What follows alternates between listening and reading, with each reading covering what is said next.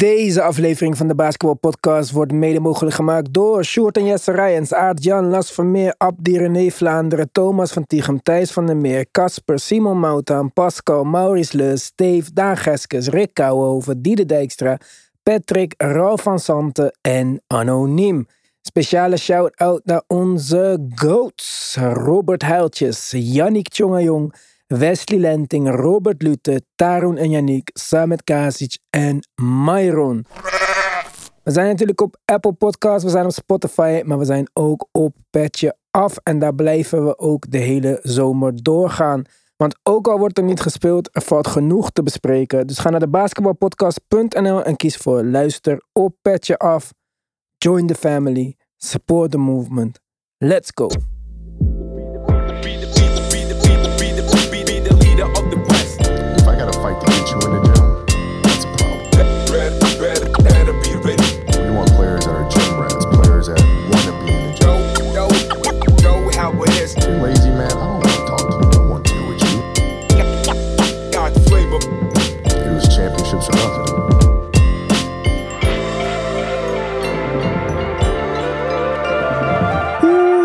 Daar zijn we weer, Tim.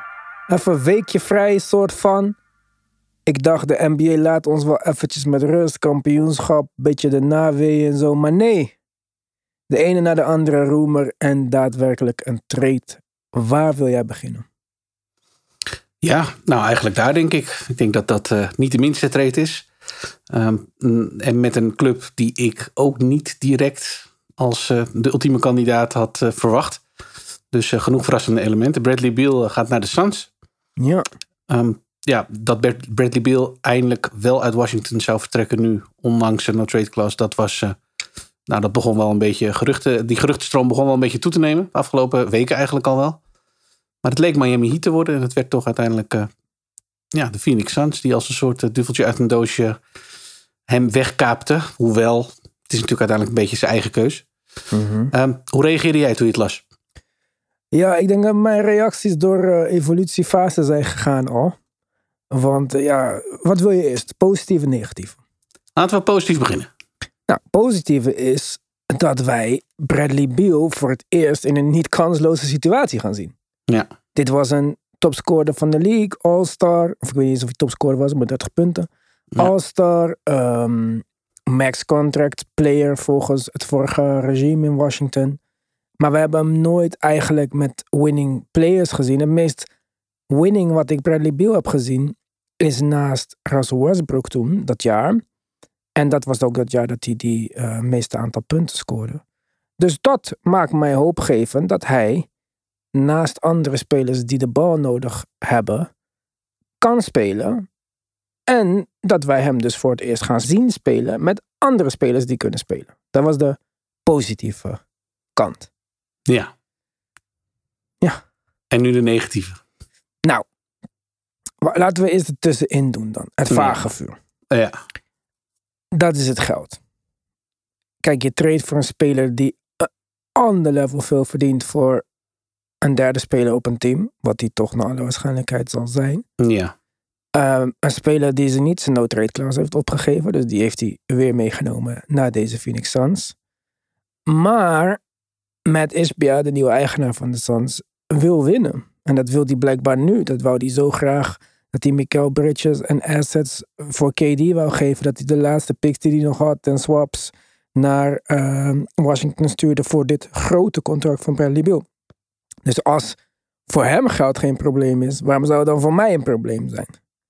Het enige probleem wat ik erin zie, is dat er weinig overblijft om mee te werken. En daar komen we op voor mij het allergrootste. Ja, probleem is misschien een groot woord, maar de allergrootste reden waarom ik deze trade een, ja, wat zal ik zeggen, een 4,5 zou geven uit 10, is dit was niet wat ze nodig hadden. En dit hebben we in hele playoffs kunnen zien. Ze hebben twee wedstrijden van de Nuggets gewonnen. Dat maakt ze naar mijn mening het tweede beste team uit het Westen. De enige die iets konden doen. Dat was omdat Booker en KD out of the mind speelden in die wedstrijden. Maar Booker en KD waren niet de reden dat ze die andere wedstrijden niet hebben gewonnen. Het was omdat ze geen supporting cast hadden.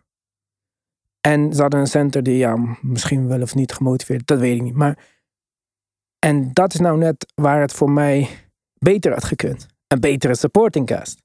Zo had je Chris Paul getraind voor twee roleplayers die passen in het systeem of whatever, of eten. Dan was ik enthousiaster geweest. Want als we nou ergens hebben gezien dat teambasketbal en defense first je in de finale brengt, was dat wel in de afgelopen finale. Ja. Dus om weer een Big Three op te richten, ja, dat zou niet mijn eerste keuze geweest zijn. Maar net zoals Vogel ook niet mijn eerste keuze zou zijn geweest als coach van KD en Booker, een defense first coach die dat dan met eten moet gaan doen of zo. Maar het lijkt erop dat Isbia gewoon de grootste namen available wilt aantrekken. KD was de grootste naam. Vogel was de grootste naam. Nou is Biel de grootste naam. Ja, Ispia gaat inderdaad wel uh, een beetje tegen de stroming in. De stroming was, uh, kijk de Nuggets winnen met team basketbal. Kijk de De- Heat in de finale met defense en team basketbal. Ja, en eh, kijk de nieuwe CBA, die toch ook wel een beetje elimineert dat je met drie sterren eh, nog überhaupt een team kan, kan bouwen. En dat niet alleen, die ook nog in stand kan houden langer dan één jaar. Eh, en Ispia heeft waarschijnlijk gezegd, dat is allemaal leuk, maar wij gaan toch echt gewoon even anders doen. En nou ja, geld was geen probleem, dat was al duidelijk. Ja. Maar eh, nou, draft equity is blijkbaar ook geen probleem. Want dat heeft hij in minder dan vier maanden ook letterlijk allemaal over de schutting Ja. gegooid. Dus ja, voor de komende grofweg zeven jaar is dit het voor de Suns. Dat is eigenlijk de conclusie. Want dit is de core die in ieder geval voor een, ja- een jaar of drie, vier eh, vast ligt. En met Biel heb je er dan ook nog eens eentje rondlopen die gewoon nog steeds de controle houdt over eh, waar hij al dan niet Ah, naartoe moet. Als deze- er nog een volgende keer komt. Ja, maar deze core blijft sowieso niet bij elkaar. Ik bedoel, we hebben twee jaar ongeveer voordat KD weer een trade aanvraagt. Nou, ja, dat, dat is inderdaad natuurlijk wel eh, een beetje waar het gevaar Ja. hem, hem in zit. En je hebt drie jongens, in ieder geval twee van de drie, die eh, recent toch wel een aardige injury history hebben opgebouwd. Dus eh, ik zou me toch wel, eh, als ik hen was, met samengeknepen billen zitten te kijken of dit Vo- ja, ergens een keer goed kan komen. Ja. Volgens mij speelt Biel 60 wedstrijden per seizoen sinds het begin van zijn carrière. En ik denk dat best dat het nog kan werken, een soort van kan werken met Biel. Maar ik wil nog iets toevoegen aan het positieve voordat ik weer iets negatiefs ga zeggen. Ze hebben in die trade niet alleen Biel gekregen, maar ze hebben ook nog twee jonge spelers teruggekregen. Ja. In Goodwin en hoe heet die andere guy? Todd, Ja. En die Isaiah Todd was ook een 31ste pick of zo, dus bijna first round pick. Maar Goodwin zeker kan, eh, denk ik, nog wel iets bijdragen. Maar daar Zeker. komen we misschien eh, later op. Ehm, dus dat vind ik wel heel knap, dat ze dat eh, voor elkaar hebben weten te krijgen. Voor eigenlijk twee contracten die niet gunstig waren. Want ook dat Landry Shamet contract was denk ik een beetje te hoog wat hij produceerde de afgelopen jaren. Ja. Dus wat dat betreft kan je niet echt zeggen dat ze niks hebben teruggekregen. Maar wat ik zei, het is de insteek, meer de teamfilosofie die niet aansluit bij mijn basketbalfilosofie. Dus dat is eh, wat het is. Ehm, een ander saillant detail, zeg ik dat goed? Zeker. Potverdikkie, ik voel dat. maar eh, is dat natuurlijk de agent van Bradley Beal, de vader is van de CEO van de Suns. Ja. Dat eh, zou mij, eh, als ze nog eh, second round picks hebben, sowieso twee second round picks boete moeten kosten, lijkt mij. maar combineer dat met het feit dat Bradley Beal dus een no-trade clause had. Maar dus eigenlijk ook een no-trade clause over de rest van zijn team. Of over zijn toekomstige team. Want hij kon eigenlijk bepalen wie er in die trade wel of niet weg konden gaan. Ja. Want als het hem niet beviel, dan kon hij dat gewoon zeggen. En met een lijntje tussen de CEO en zijn agent vond ik dat wel allemaal een beetje te fishy. Naar mijn mening. Ja, ja, wat mij betreft kun je daar, eh, als, als je betrokkenen zou zijn, kun je dat niet rechtpraten. Dit, dit, hier, dit, dit riekt naar eh, belangenverstrengeling. Ja, Chris Paul En- zit daar te denken, hey, ze vetoen die trade van mij naar de Lakers, maar dit mag allemaal gewoon Dit mag doorgaan. allemaal wel. Ja, ja, ja dit, zijn, eh, dit zijn dubieuze praktijken. En als, dan, als je dan ook nog ziet dat die geruchten van Bill natuurlijk een beetje op, opstaken op een gegeven moment. En er werden wat teams genoemd. Nou, de Heat was uiteindelijk degene die wel echt overbleef. En achteraf blijkt dat de Heat eigenlijk niet echt hebben gepusht in die onderhandelingen. Omdat, ja, ze waren ja, geïnteresseerd, maar ze willen eigenlijk hoger inzetten. de Heat hadden een veel beter. Ja, dat ook nog eens. En, en, en hadden, want dat was het, het, nou, het cruwe detail aan, aan, dit hele, aan dit hele geval. De Heat hadden een veel beter pakket kunnen geven. Iedereen, zelfs Julius Randle plus Evan Fournier en een first round pick was, Ja. neem ik aan, mogelijk geweest. Ja, ja. Dus, en dat je dan ziet dat, ja, waarschijnlijk, zo luiden de berichten, KD ook uh, Biel gerecruiteerd heeft. Ja, en Biel dus waarschijnlijk gewoon gezegd heeft, uh, allemaal leuk en aardig, maar ik ga naar de Suns. Wat ja, een dan heeft bitch is die KD. ja, Dit is hoeveelste superteam, man. We hadden Westbrook, Ja, KD, vind- ja. Harden. We hadden KD, Steph, Clay, Draymond. We hadden KD, Kyrie, KD, Kyrie, Harden. KD, Booker, Paul. KD, Booker, Beal. ja, en ik vind het geen superteam. Ik, ik, ik vind, ik, ik, ik eh, heb grote twijfels. Het is een bij- Supermax team, vriend. Wat zeg Dat jij? wel, dat wel, ja. Nee, maar geen, geen grote drie. Kijk, ehm, het de vorige, het vorige drie sterren team zeg maar, van KD wordt hier vaak bij, eh, bij betrokken. En die hebben inderdaad één heel groot verschil qua fit. En dat is dat daar natuurlijk een, een playmaker in de vorm van James Harden rondliep. Die, nou ja, van wat we de hele kleine sample size die we gezien hebben. Ja, dat was voor andere teams echt niet te houden. Dat ging echt heel goed. En dat hebben deze, ja, Boeker mag, gaat point guard spelen, neem ik aan. Maar Ja, daar wil Wat hebben we- over wat hebben we gezien van deze Suns in de playoffs? Er waren Ja. duidelijke, duidelijke ehm, ja, clearing holes, zeg maar, in, in hun Ja, depth. eh, depth, eh, shooting voor een deel en rim, rim pressure. Want ja. eh, alles, alles schiet. Er gebeurt niks in de paint. ja, maar dat was misschien ook gedeeltelijk het niet aan de gang krijgen van eten. Ja. Ja. En dan wat, wat doe je dan? Je gaat nu mega, mega, mega inzetten op een speler die hetzelfde doet. Ja, maar daar wil ik wel een kleine kanttekening eh, bij plaatsen. Kijk, als je het zo op papier bekijkt, geen van de drie zijn perfecte three-point shooters. KD is denk ik een beetje overrated three-point shooter. Booker is nog aan het sleutelen aan zijn three-point shot. En Beal is wat, wat zal die zijn? 33% of zo over zijn carrière. Ja, is, heeft een tijd lang best aardig geschoten. Is volgens mij recent wat minder. Maar eh, Oké. al in al oké. Ja. Whatever. Het zijn allebei, allemaal, alle drie geen eh, Ray Allens. Maar, eh, kijk, we hebben het vaak over spacing. Als we het over spacing hebben, dan denken we altijd, waar kunnen we een shooter vandaan halen? En zelfs dan een eh six-ten guy die niks anders kan dan aan de zijlijn staan, is dan goed voor je spacing. Maar spacing in zijn beginsel is natuurlijk wel, eh, wie wordt er verdedigd door de tegenstander? Want Bradley Beal kan dan wel misschien niet zo goed zitten en Booker en KD allemaal niet van drie. Maar je kan ze alle drie niet alleen laten. Dus in dat opzicht denk ik dat die shooting die ze vorig jaar misten met Ogogi en weet ik veel allemaal wat op de vloer, dat je nog bijna Tory Craig moest gaan starten en zo, dat zal wat minder worden, want de spacing gaat beter uitpakken door het feit dat je geen van die drie spelers alleen kunt laten. Dus dat, dat is nog tot daar aan toe, maar zelfs met de plannen om uh, Tory Craig, uh, Landale en wie wouden ze nou nog meer terug hebben? Uh, ik heb vooral Tory Craig en Landale gehoord. Dan hebben ze volgens mij early bird rights op. Dus die kunnen ze dan wel iets meer dan, Ja. dan minimum uh, aanbieden. En, ja. en Okogi of hebben ze nog onder contract dan? Uh, goeie vraag. Volgens mij niet. Want verder Oh. hebben ze volgens mij alleen Campaign nog onder contract staan nu. Oh, campaign is er nog. Nou, die Ja. kan ophoepelen, want uh, we hebben nou een Goodwin en die is beter, denk ik. Uh, ja, verdedigend beter. Dus dat is dan wel weer de volgende vraag. Maar wat doe je? Uh, hopelijk houdt hij zich een beetje op de vloer. Verdedigend beter. Die guy hoeft letterlijk alleen die bal over de middellijn te dribbelen en dan is het klaar met zijn taak.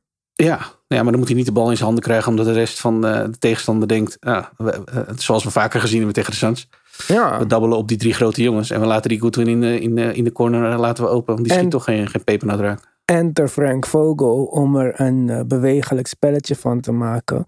Dat zelfs de spelers die niet kunnen schieten of minder goed kunnen schieten, in ieder geval snelle reads kunnen maken. En goede basketbalbeslissingen à la de Miami Heat in de afgelopen finale. Zodat dat geen probleem wordt. En dat is mijn volgende ja, twijfelpunt.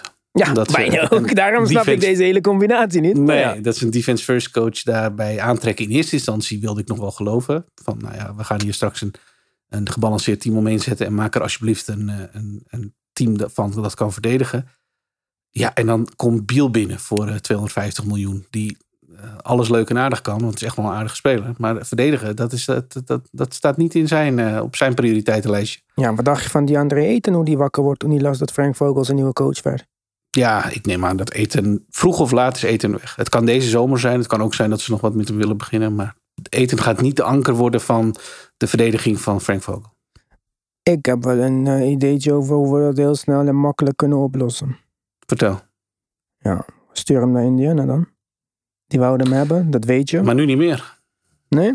Ja, Miles Turner heeft een carrièrejaar gehad. Ja, maar En die goed, hebben ze wil verlengd. Miles Turner daar blijven of wil Miles, ruikt Miles Turner ringen als hij over de Suns hoort? Hij heeft natuurlijk dat- een prachtig contract. Ik weet het. Ik ben Daarom. de hoogte van Miles Turner. Maar ja, wat wil Miles van- Turner? Wat is de afspraak met Miles Turner? ja. nou, ben niet op de hoogte dat er een afspraak is dat hij weg mag of weg kan. Of eh, ik, ik weet niet beter dan maar dat hij was heel wel weg geweest als het aan hun had gelegen vorig jaar. Ja, ja, ja. Maar goed, Miles Turner zal niet nu ehm, zijn weg uit Indiana wil forceren, willen forceren. Dat gaat hij niet doen. Hij weet ook dat hij op een heel goed contract zit. Hij heeft daarvoor afgelopen half jaar heel veel geld gekregen. En zit nu op een heel goed eh, bedrag. Ja. Ja. dat is gewoon heel veel waard. En dan moet je als Indiana afwegen, gaan we erop vooruit als we eten voor, nou wat is het, 30 plus binnenhalen ten opzichte van de Turner die we nu hebben voor eh, 18. ja, maar ja, dan, kijk, je, je ziet het al eh, snel, kan je het bij elkaar optellen. Buddy Hield plus Miles Turner. Dat zou mogelijk een interessante, hè, dan hebben we die shooting waar jij eh, over begon. En eh, dan hebben we een verdedigende center die ook de vloer kan spacen. Zou dat niet de ideale trade zijn, in ieder geval voor de Suns? Voor de Suns wel. Ja, Ja, 100%. dan is het dus de vraag van wat willen de Pacers? En dat is mijn vraag aan jou eigenlijk. Wat denken wij nog van die André Eten? Ehm, Is het eh, dat- gewoon een goede speler, bad situation? Of Ja, daar ga ik nog wel van uit. Ja, maar er zijn nou eenmaal een aantal plekken eh, in de NBA waarvan je ziet van ja, daar gaat hij niet beter zijn dan wat er nu staat, zeg maar. Daarvan vind ik Indiana een heel goed voorbeeld. Ja, de situatie lag vorig jaar, vorige zomer, echt heel anders. Toen hebben ze min of meer het vertrouwen opgezegd in uh, Miles door, Mhm. die, eh, door dat oversheet eh, richting de Suns te doen. Ehm, ja, de situatie is omge- omgeslagen omdat één, ze Miles Turner op een heel goed contract hebben verlengd. En twee, hij heeft vervolgens ook een heel goed jaar gedraaid.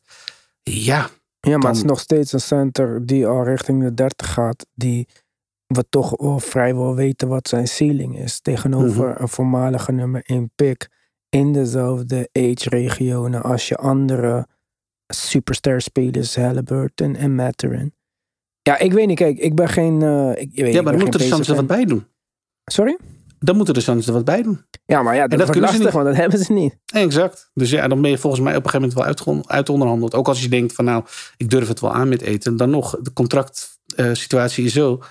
Ja, zij moeten eten aan jou verkopen, niet andersom. Want de situatie van Indiana is gunstiger dan die van, van Phoenix. Ik denk dat ik het zou doen als ik Indiana was, zelfs zonder wat erbij. Gewoon puur om het feit dat ik denk dat.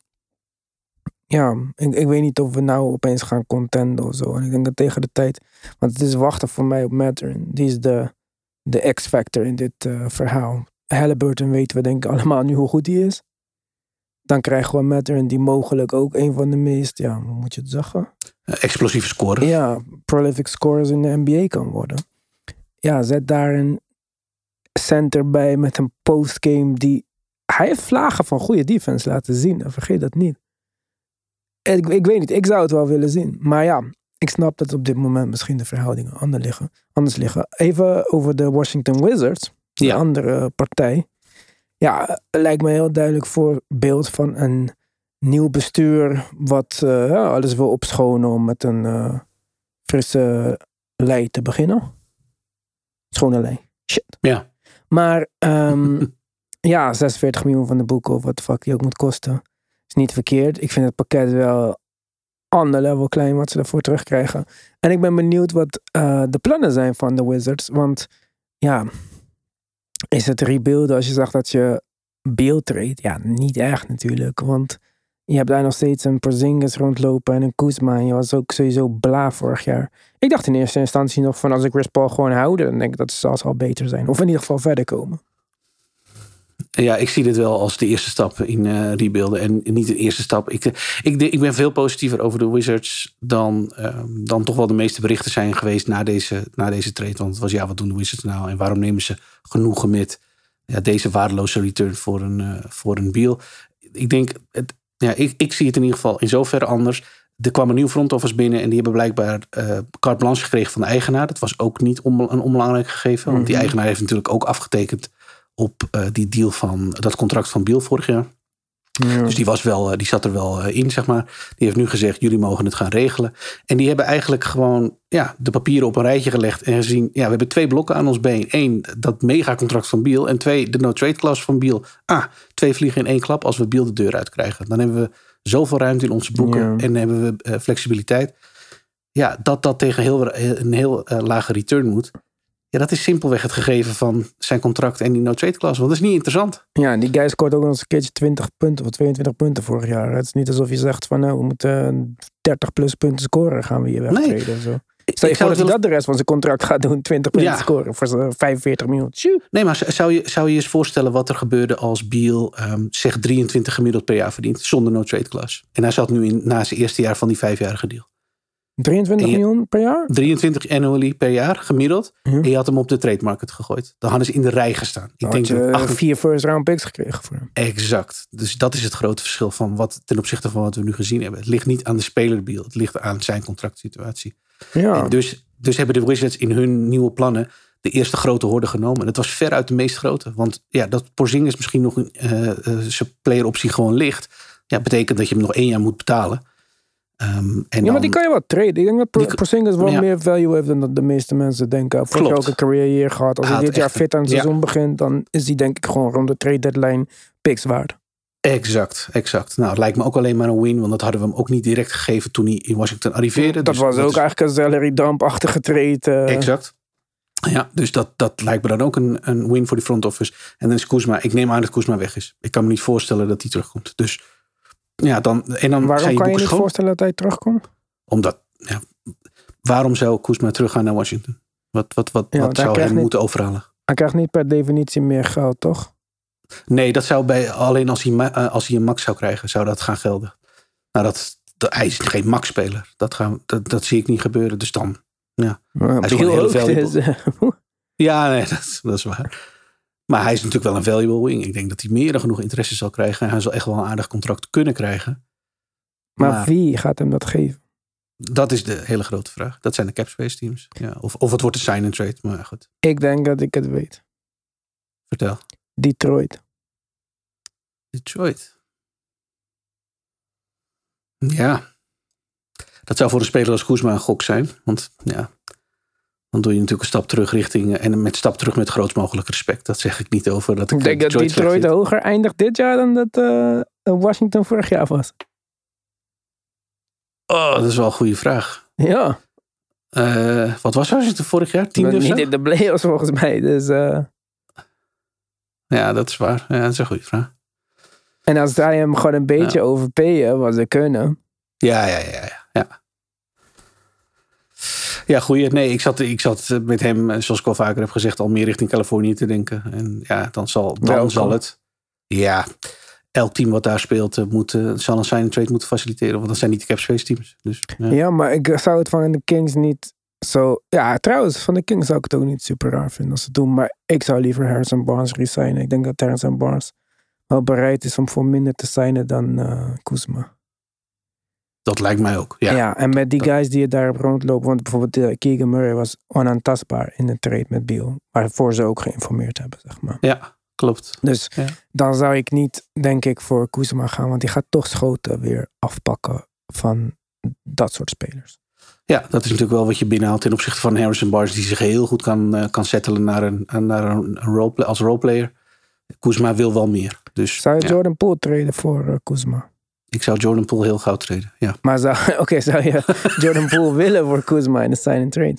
Ik vind dat een interessante upgrade. Ja, ik vind Kuzma per definitie eh, vanwege zijn lengte en zijn skillset een heel interessante speler. Eh, ook voor een Warriors. Ja. Denk het zeker, want zijn rebounding zou heel veel helpen als ze small ball gaan spelen. Mocht er iemand blijven, maar daar komen we straks nog wel op, denk ik. Ja. En ik denk dan dat ze ook geld gaan besparen, omdat Poole natuurlijk een stuk meer verdient dan wat ik denk Kuzma zal krijgen. Ja, ik kan me niet voorstellen dat die eh, zo'n soort contract gaat krijgen. Nee. Ja, maar dan moet wel Porzingis de player option declinen en eh, Chris Paul en zo al weg zijn voor de Wizards om meer salary terug te nemen dan dat eruit gaat natuurlijk in de sign and trade.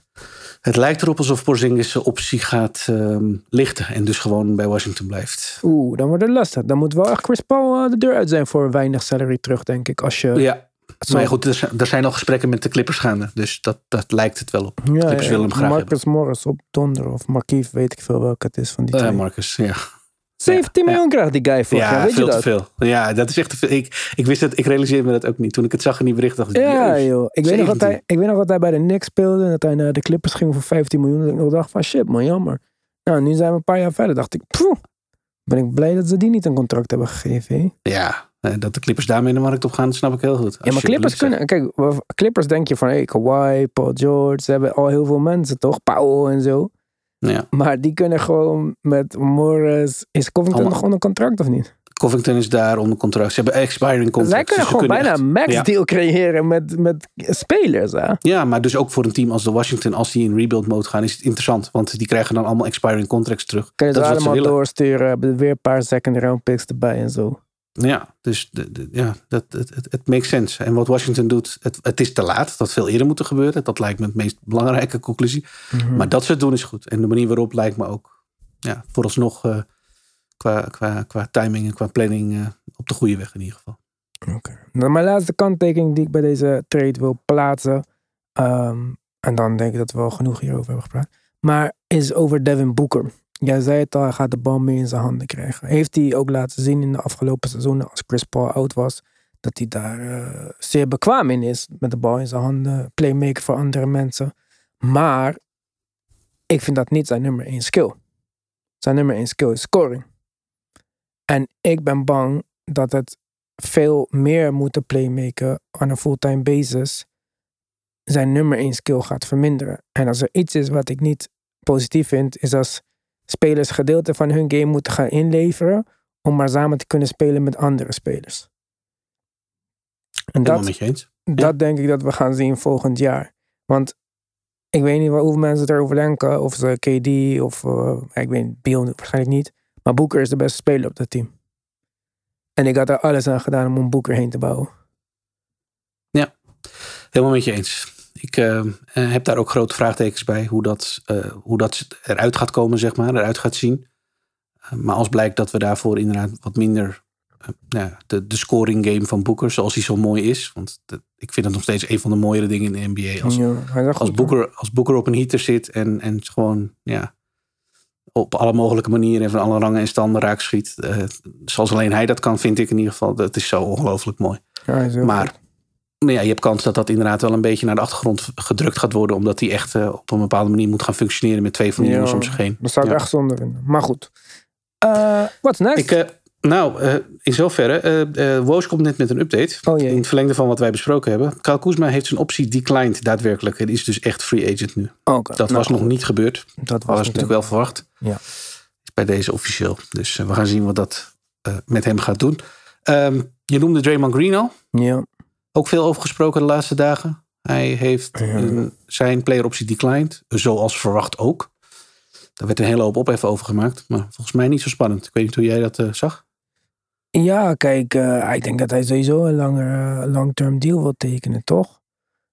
Alleen, wat ik niet helemaal begrijp, is als ik Draymond Green's value zou moeten inschatten. Wat was zijn deal nou? 27 miljoen, bijna 28 miljoen, toch? Ja, volgens mij in die orde van grootte. Die heeft hij nu die, eh, gewei- ja, ja, Ja, geweigerd. Ja. ik zeg je eerlijk, Tim, ik zei het al toen dat ze kampioen werden. Dit was niet meer dezelfde Draymond. En ik weet niet voor hoeveel jaar hij dan zou willen tekenen. Maar ik zou hem niet eens die 28 miljoen over twee jaar geven.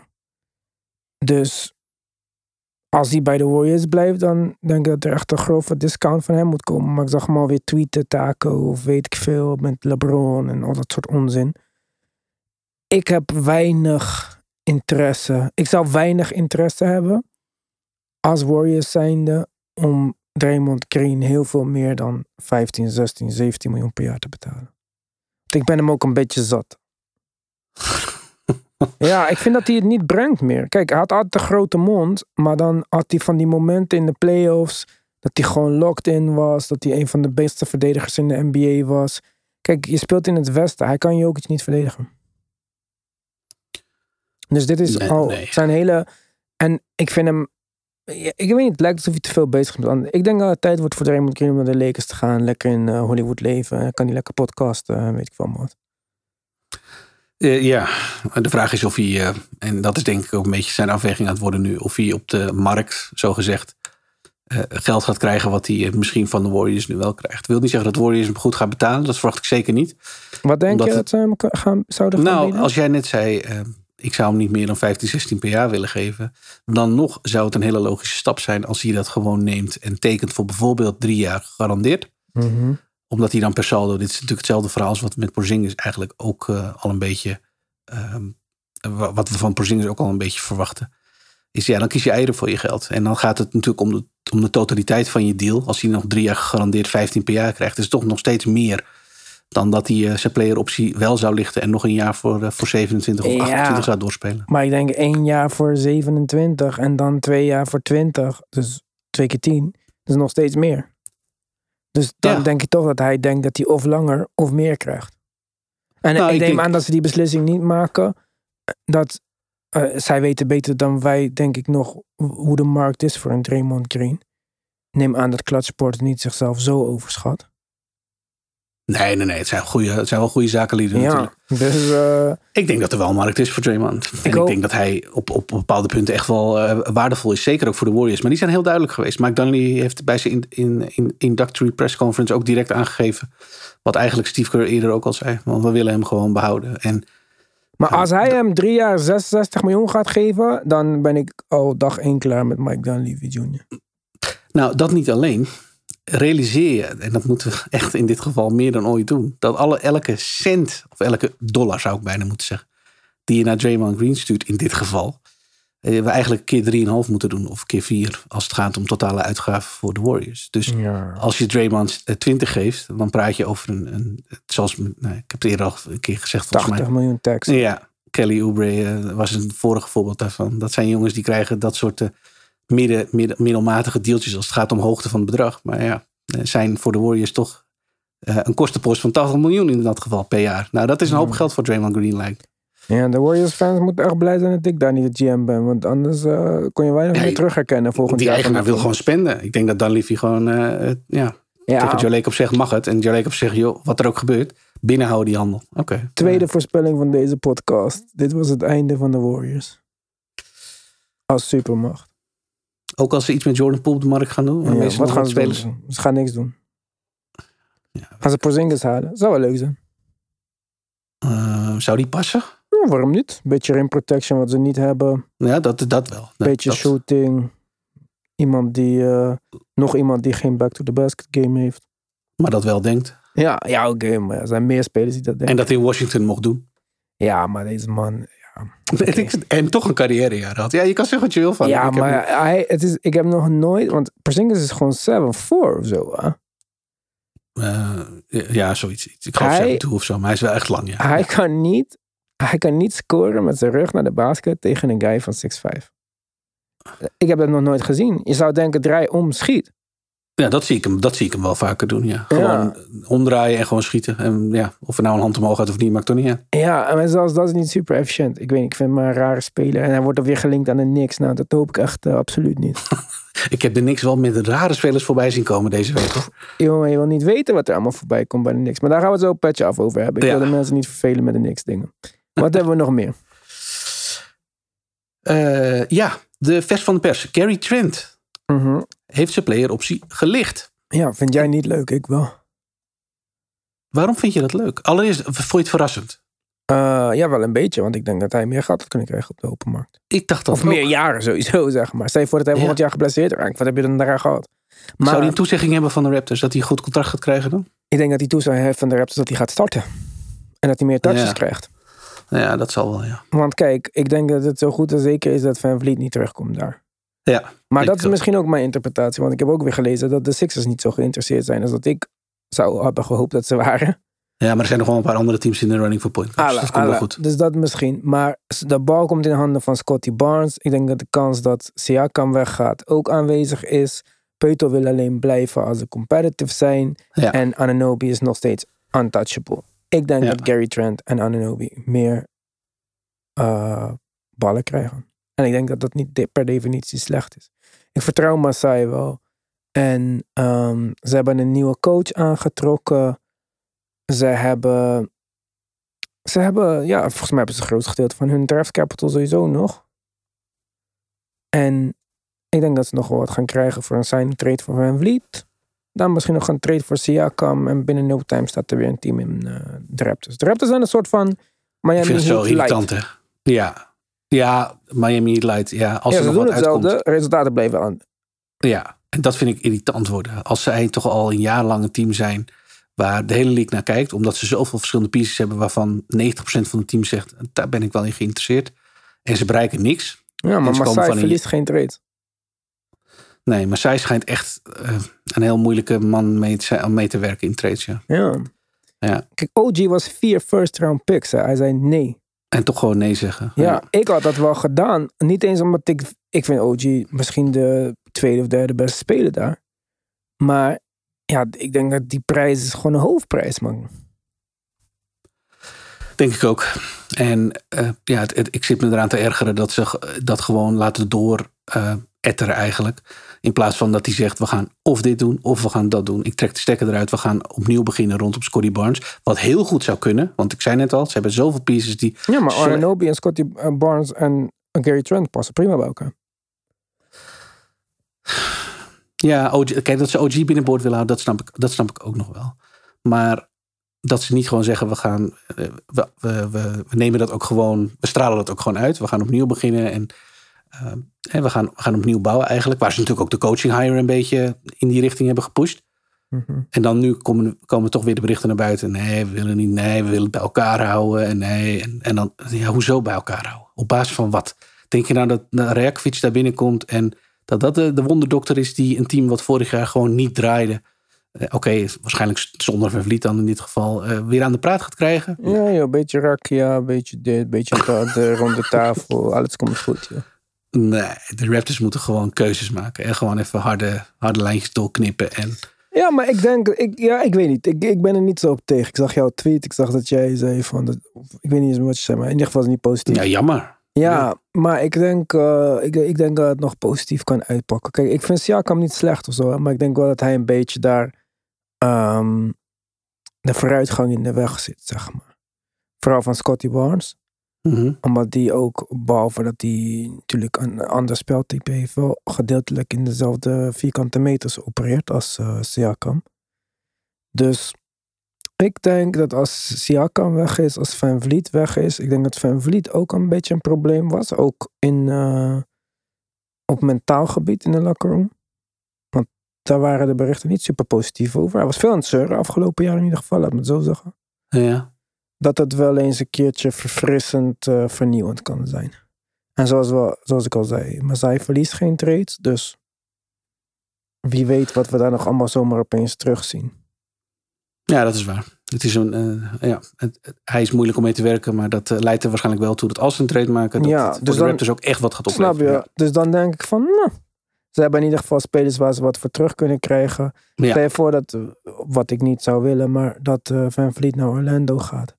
Ik denk dat Orlando wel bereid is om dat in een sign and trade te doen. Want die hebben ook allemaal spelers op eh, contracten waar je iets mee kan. Nou, voordat je het weet krijg je een Jonathan Isaac terug of zo. Heb je weer een projectje. Of voordat je het weet heb je misschien zelfs een... ehm, En Gary Harris terug. ja, daar zou ik dan minder enthousiast over worden. maar eh, dat wist ik. ja, wie, wie weet zelfs een Jalen Sachs. Ehm, ik, ik zou dat niet als zeer onmogelijk zien. Wel jammer, toch? Ja, eh, voor, ik zou sowieso niet willen. Ik snap niet waarom Van daar naartoe moet. Maar goed, de Magic schijnen geïnteresseerd te zijn. Dus. Maar ik denk, eh, zoals ik al zei, ik, denk dat Masai geen trades verliest. Ik denk dat als ze moves gaan maken, dat hij met die Siakam piece en een sign trade voor Van Vliet alweer veel meer kan aanvullen dan dat je dacht dat er ontbrak. En dat we dan de Raptors op een soortgelijke of hogere plaats kunnen terugzien volgend seizoen als dat ze afgelopen seizoen uh, maar zaten. Whatever. Ja. Ja. Ehm, nou, we gaan het straks denk ik nog wel even hebben over Utah. Die hebben Colin Sexton available gemaakt. Maar dat is petje af onderwerpen. Ja. Petje af onderwerpen. Ehm, Portland is de richting komende donderdag. Wacht, Draft is natuurlijk. Oh, want jij zegt draft en ik doe nooit aankondigingen op het goede moment. Maar vrijdag hebben wij een draft-uitzending natuurlijk.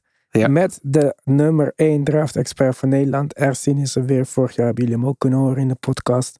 Dus die kan antwoord geven op elke vraag die je hebt over de speler die door jouw team is gekozen. Dus als je vragen hebt, stuur ze naar Instagram. Stuur ze naar uh, info.debasketbalpodcast.nl Of uh, op onze Twitter, de basketbal. Dan uh, zullen wij ons best doen om die aan hem uh, te stellen. Maar goed, Portland. Portland uh, nummer drie, uiteraard. En de vraag gaat al weken rond. Wat gaan ze daarmee doen? Um, het wordt steeds meer duidelijk dat de dynamiek eigenlijk uh, simpelweg die is. Of ze treden uh, de pick en proberen dan een, super, of een superster, een ster te landen. Een grote speler, grote naam.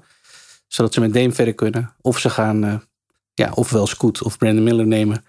Maar dan is Dame waarschijnlijk ook weg. Heeft ook hmm. vandaag, als wij dit opnemen, weer Ja, ja maar die Winters, die uh, gaan we niet eens quoten in deze podcast. Nee, nee, nee. Ik wil, het, ook niet via, over, ik wil het niet via hem doen. Die moet nee. lekker over McDonald's gaan schrijven of zo. Maar uh, ja, nee. dat uh, zag Dame de hele tijd wel. Eerst uh, lekte naar buiten dat hij mogelijk het offseason wel een trade zou aanvragen. Hij zei zelf van niet. Toen kwam er weer naar buiten dat hij toch wel wil blijven. En het laatste nieuws is dus van dat het zou afhangen van wat ze met die derde pick doen. Ja. Maar ik denk het allemaal niet, Tim. Kijk, wat wil Dame? Dat is uh, de nummer één vraag uh, deze. En ik denk dat Dame ook doorheeft dat hij niet naar een nieuw team gaat die vanaf scratch om hem heen gaan bouwen. Als hij naar een nieuw team gaat, dan zal dat bijvoorbeeld de Miami Heat zijn. Iemand ja. die denken hem te missen of als hem als final piece aan de puzzel kunnen toevoegen. Um, bij de Miami Heat, of elk ander team dat je kan bedenken waar hij um, direct een meer kans op contender heeft dan dat hij bij de Trailblazers heeft, wordt hij niet de number one guy. En ik ben benieuwd hoe een speler als Dame, die zijn hele leven de number one guy is geweest, die zelfs Aldridge heeft laten verwijderen uit Portland om de number one guy overduidelijk te zijn, daarover denkt. Of hij dan wel ergens, waar hij mogelijk alsnog geen titel gaat winnen, wel de number one guy of wel de nummer twee guy wil worden. En als we praten over teams waar hij niet gaat contenden, waarom zou je dat doen? Dan ben je in dezelfde situatie als dat je bent in Portland. Hij kan naar de Raptors gaan, maar dat maakt ze geen contender of zo. Hij kan naar de Bulls gaan, maar dat maakt ze geen contender. Ik weet niet of Dame wel zo heel erg bereid is om tweede viool te gaan spelen aan Jimmy Butler. Voor wat? En dan opgeven een plek waar je al, uh, weet ik veel, twaalf jaar woont, lekker bent gezetteld, waar je de man bent, waar je kan doen en laten wat je wilt, waar je invloed uit kan oefenen op het front office. Dat allemaal opgeven voor wat? Ja. Ik denk dat. Ik denk dat zijn ego een grotere beweegreden is dan om te blijven dan dat hij uh, loyaal is of zo, whatever. Wat Uh, gaat ja, hij dat- doen? Dus ze gaan, ze ja, ze gaan koet Ja. en dan gaat hij zeggen, ja, je moet me traden. En dan wat, is hij, is hij Dat- speler dat is wat er 2 wordt bij gezegd. Miami Heat? Ja. Want waar gaat hij heen dan? Wie wil Dame hebben? Wie, wie anders gaat voor een 33-jarige point guard die te klein is, niet kan verdedigen, niet echt goed kan pasen, wat geven? Nee, ik denk dat fit bij Miami een, een hele goede is. En ik heb zo nog wel een update die de andere kant op draait. Dus het zijn wel weer nieuwe ontwikkelingen. Maar ik heb de fit bij Miami altijd wel als een goed voorbeeld eh, beschouwd. Interessant. Omdat Net zou ook interessant. Is allemaal oké. Maar ja, Miami Heat zijn beter verdedigend. En dat ze, je zal toch naar een redelijk goed redelijk verdedigend team moeten gaan als, als Dame zijn. Omdat anders word jij de liability waarmee het team ook echt eh, de afgrond in wordt geduwd. En bij de Heat heb je misschien de mogelijkheid dat ze het enigszins kunnen opvangen. En wat hij dan aanvallend brengt is natuurlijk wel ja, wat, dat wat zou Heat eh, nodig hebben. welkom zijn, ja. Bij de Ja. Nets alleen kan hij misschien wel die eh, number one option worden. Ja. Mikael had een leuk seizoen, maar in de hiërarchie van de NBA staat hij nog steeds boven hem natuurlijk. Dat lijkt mij ook. Goed, maar wat is je update dan? De update was dat de Blazers eh, bereid zouden zijn om een groot offer te maken richting de Heat voor Bam. En ja, dus, dat snap ik helemaal niet. bizar hè? Ja, Bam dus naar Portland willen halen. Ja. En daar zouden ze vrij ver mee willen gaan. Maar En Dan wat? moet je dus, dan moet je dus denken drie. aan die, nummer drie met, met Simons. Of, eh, ja, Oké, deal, go. ja, wel hè. Ja, Dat tuurlijk. is, dat is wel heftig hè. Als, als, als de Blazers dat willen Ja, opgeven. ik nummer zou drie dat, en Simons. Ja, dat is heftig. Ja. Waar, wanneer wil je hem hebben? Nu? Nou ja, ja. Ik vind, dat ook, eh, ik vind het moeilijk om die berichtgeving te geloven. Kijk, ik snap het concept. En dat zij een groot offer willen maken voor Bam. Oké, allemaal leuk en aardig. Mm. Ik denk niet dat het gaat gebeuren. Maar Ehm, als dat zou gebeuren. Maar dat je daar die nummer drie bij doet. Poeh, dat vind ik wel veel hoor. Ja, dat vind ik ook veel. Ik vind, al, ik vind Simons al veel. Ik als ik die Heat was nog lekker vragen om uh, Sharp ook, joh. Want het rare is dat voor Miami natuurlijk die nummer drie pick niet zo interessant is als voor heel veel andere teams. Want Miami zijn, zijn ja, met andere dingen bezig. Ja, maar misschien kunnen ze die nummer, heet, uh, uh, nummer, heet. nummer drie pick weer flippen naar uh, New Orleans. Voor iemand die daar heel veel voor over heeft. Ja, exact. Ja, ja, nou, ja, ik heb liever Zion dan, Nou, ik weet niet trouwens of ik liever Zion heb dan Ben. Maar over Zion gaan we wel praten. Pet je af. Want deze Ja. man is toch in een rap tempo letterlijk zijn carrière aan het verneuken. Maar goed, daarvoor moet je wel Petje Af hebben. Dus ga naar basketbalpodcast.nl en kies voor luister op Petje Af. Support the movement. Join the family. Let's go.